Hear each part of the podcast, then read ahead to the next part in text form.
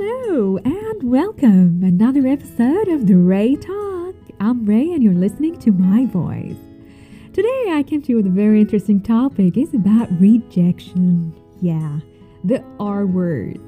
The R word seems to many people it's just like the end of the world and there is no life after because we set our expectations so high.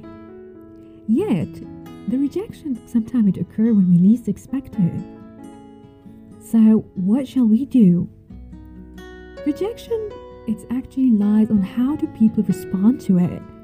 It's how do you accept it and how do you deal with.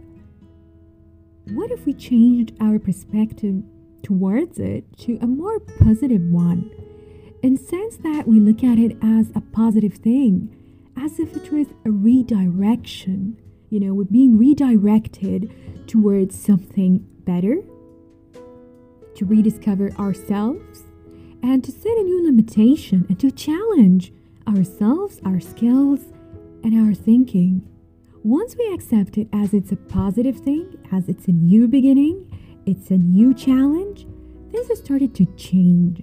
And that's my message to you.